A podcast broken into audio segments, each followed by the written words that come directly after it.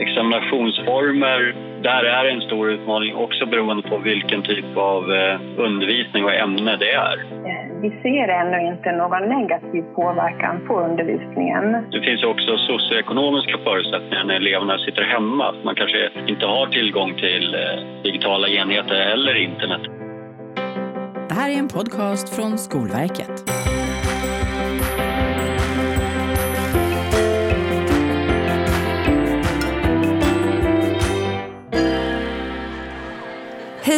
Välkommen till Skolverkets podd. Spridningen av det nya coronaviruset påverkar hela samhället. Sen några veckor tillbaka håller gymnasieskolor och vuxenutbildningar undervisning på distans. Jag heter Sandra Gelé och arbetar på uppdrag av Skolverket. Och eh, med mig har jag på länk så här i coronatider Robert Olofsson, undervisningsråd och Skolverkets expert på undervisning på distans. Hej Robert! Hej! Hej! Kul att du är med. Hej och kul att få vara med. Vi ska börja med att lyssna på några rektorer för gymnasier och eh, vuxenutbildningar runt om i landet, både kommunala och fristående, för att höra hur de har upplevt de senaste veckornas övergång till distansundervisning. Den har påverkat oss fundamentalt förstås. Eh, vi har gått från att undervisa i skola i klassrum eh, där man kan få feedback från undervisningen via elevers kroppsspråk och ögon och muntligt till att istället bara ha direkt digital feedback. Och det har ju blivit mycket svårare. Eh, så för min del så är undervisningen påtagligt eh, förändrad. Vi har haft lite bättre närvaro. Det, det kan man ju fundera lite på. Ja, hos oss har det ju som hos alla andra ändrat form väldigt snabbt. Eh, och enligt min bedömning så är det en, en väsentligt sämre kvalitet av undervisning som ingår i Eh, formens natur eh, och inte beroende av lärarnas prestation eller inställning som då har inträffat. Eh, attityd och inställning och skolkulturen har definitivt klarat av utmaningar som är men vi ser att det här är inte tänkt att fungera i den här skolformen i den här omfattningen.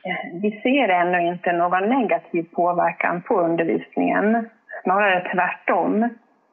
Eh, undervisningen fortgår och eh, flera elever som annars haft svårigheter lyckas bättre. Robert, vad tänker du när du hör de här rösterna? Känner du igen deras resonemang?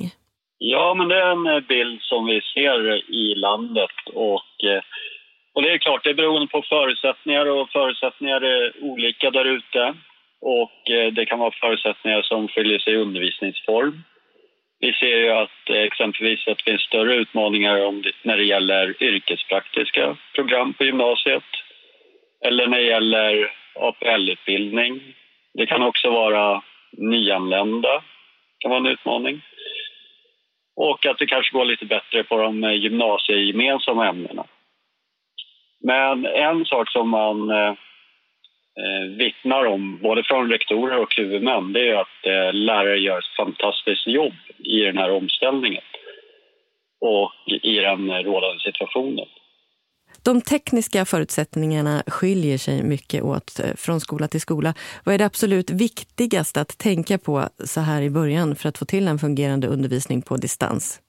Det är väl det här att eh, hålla sig till det eleverna känner till. Att man eh, utgår från de förutsättningar man har. Vi vet att det skiljer sig i, i, olika delar av landet och beroende på form. Man kan säga att gymnasieskolorna har bättre tekniska förutsättningar än kanske till och med mellanstadiet då. och bättre tillgång till digitala verktyg. Lite sämre också i vuxenutbildning jämfört med gymnasieskolan. Så Utifrån det så planering, att eleverna har tillgång till planering, de har tillgång till läromedel, att de har en möjlighet att kommunicera med läraren och att man kanske i början gör uppgifter som eleverna har lättare att följa själva. Så mindre eh, uppgifter till exempel där man kan ge snabbare återkoppling. Eh, det är väl några saker. Och en viktig sak är samvaron mellan elever. Att eleverna kommer ju sitta hemma i stor grad och då blir den här sociala närvaron extra viktig att tänka på. Att man som lärare kanske skapar möjligheter för eleverna att eh, kommunicera med varandra. Och då kan det vara extra viktigt att man också tänker på att man modererar de här kanalerna, att man är med där som lärare. Men när man tittar på de här utmaningarna som du också nämner, vilket stöd ger Skolverket där? Ja, vi ger en, eh, lite olika typer av stöd. Eh, framförallt kan man säga att Skolverkets eh, frågor och svar utifrån skoljuridik är en väg.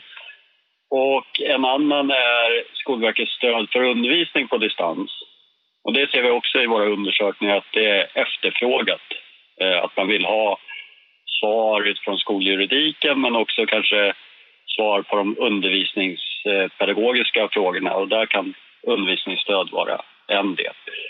Och sen eh, har vi också skolahemma.se som togs fram i samverkan med RISE, SKR, UR och Swedish Edtech. Och där försökte vi samla stöd från flera olika aktörer ur ett pedagogiskt didaktiskt men också eh, regler etc. Och sen eh, försöker vi att samla in nationellt en lägesbild av hur det här arbetet går och utifrån det fortsätta ge stöd som vi ser efterfrågas från huvudmän, rektorer och lärare. Vid vår rundringning så fick vi otroligt mycket information eh, som de här rektorerna har samlat på sig under, under de här första veckorna. En av rektorerna pratade om att det var väldigt viktigt att man, liksom, man startar vid den tiden som skolan startar varje dag och ser till att hålla ett schema. Ehm, och att man gör det så enkelt som möjligt så att det här är någonting som redan finns hos eleverna. Vad säger du om det? Ja, det är väl en bra tanke att eh, försöka göra det som eleverna är vana vid. Att de försöker hålla sig till det schema, de strukturer som de eh, känner till.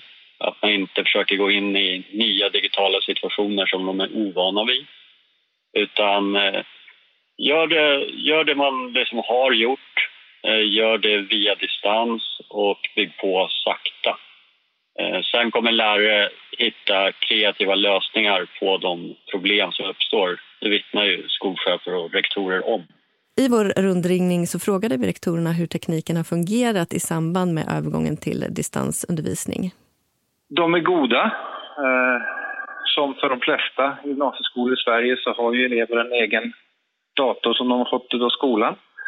Eh, så all personal och elever har eh, tillgång till adekvat teknik och mjukvara. Så vi ser inga problem med det. Eh, alla elever har en egen skoldator.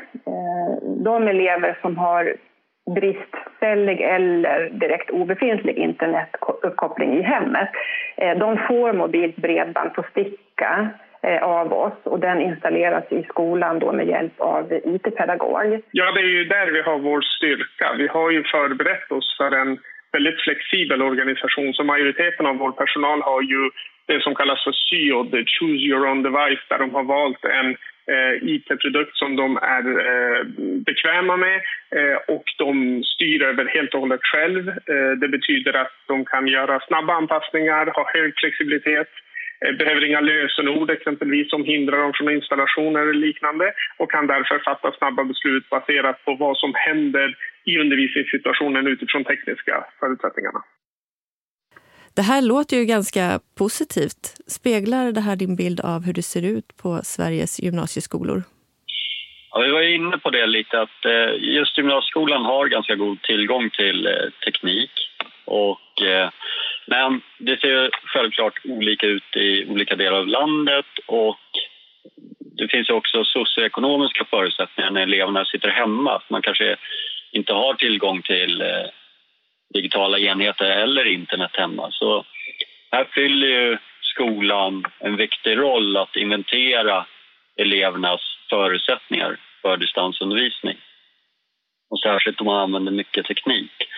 Och därför kan det vara en bra grund att man alltid har, ser till att eleverna har tillgång till planering och läromedel och uppgifter som man kan göra även som självstudier och sen eh, försöka tänka på att skolan har ett kompensatoriskt uppdrag.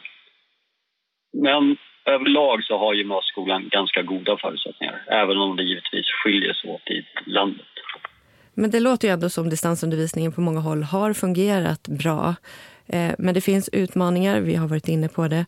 Vi ska lyssna lite på våra rektorer om vilka utmaningar de stött på. Ja, det är det särskilda stödet. Eh, hur kan vi ge särskilt stöd på distans till elever som behöver det? Matten, eh, där kliar vi oss i huvudet lite.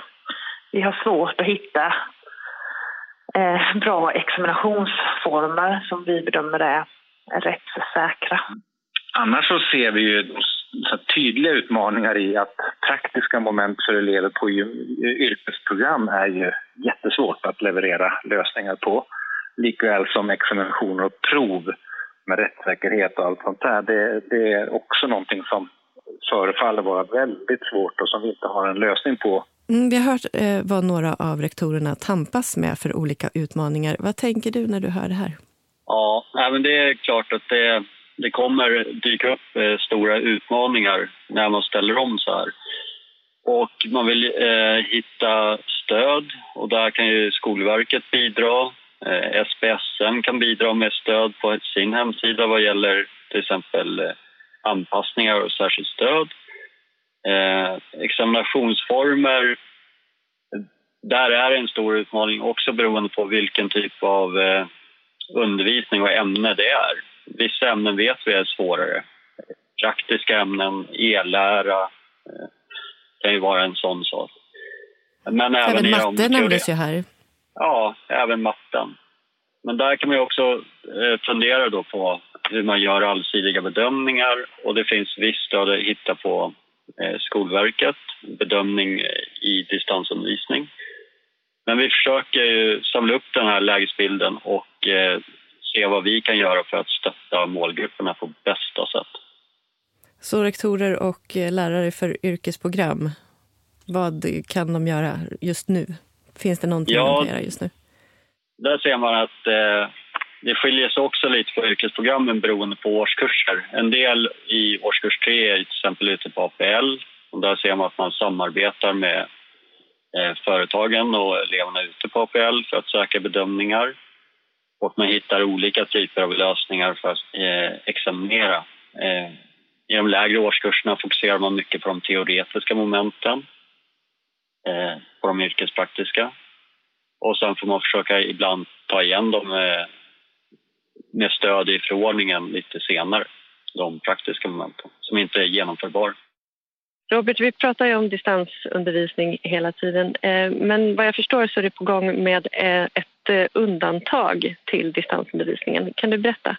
Ja, regeringen har beslutat om en förordningsändring som innebär att en mindre andel elever kan komma till skolans lokaler under vissa förutsättningar även om skolan är stängd. Och det underlättar ju för skolor att till exempel kunna samla elever för att låta dem genomföra praktiska uppgifter, exempelvis svetsning som eh, läraren bedömer. Eh, förordningen gäller från och med den 6 april, men, och det här är viktigt, blir tillämpliga först vid en rekommendation från Folkhälsomyndigheten. Så att fortsättningsvis hålla sig uppdaterad via Skolverket och Folkhälsomyndighetens informationssidor för kommande information i frågan är viktigt. Har du någon avslutande reflektion som du kan lämna oss med? Det är väl den samlade bilden vi får in, att lärare gör ett fantastiskt jobb där ute och hittar eh, lösningar på den här svåra situationen de befinner sig i. Det skulle jag vilja skicka med. Och man får vara ödmjuk inför den här situationen och ha en förståelse för att det, det är svårt. Tusen tack Robert Olofsson från Skolverket. Och tack också till de rektorer som var med och generöst delade med sig av sina erfarenheter.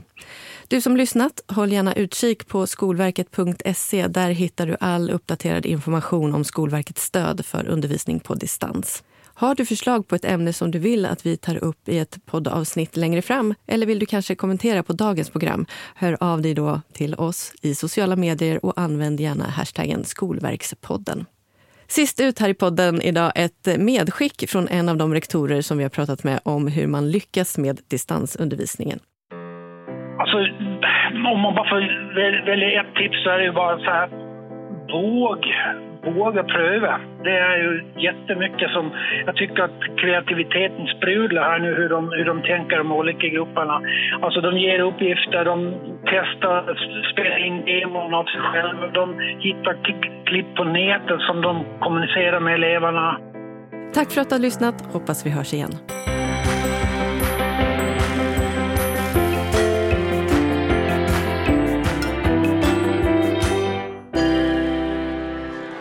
Det här var en podcast från Skolverket.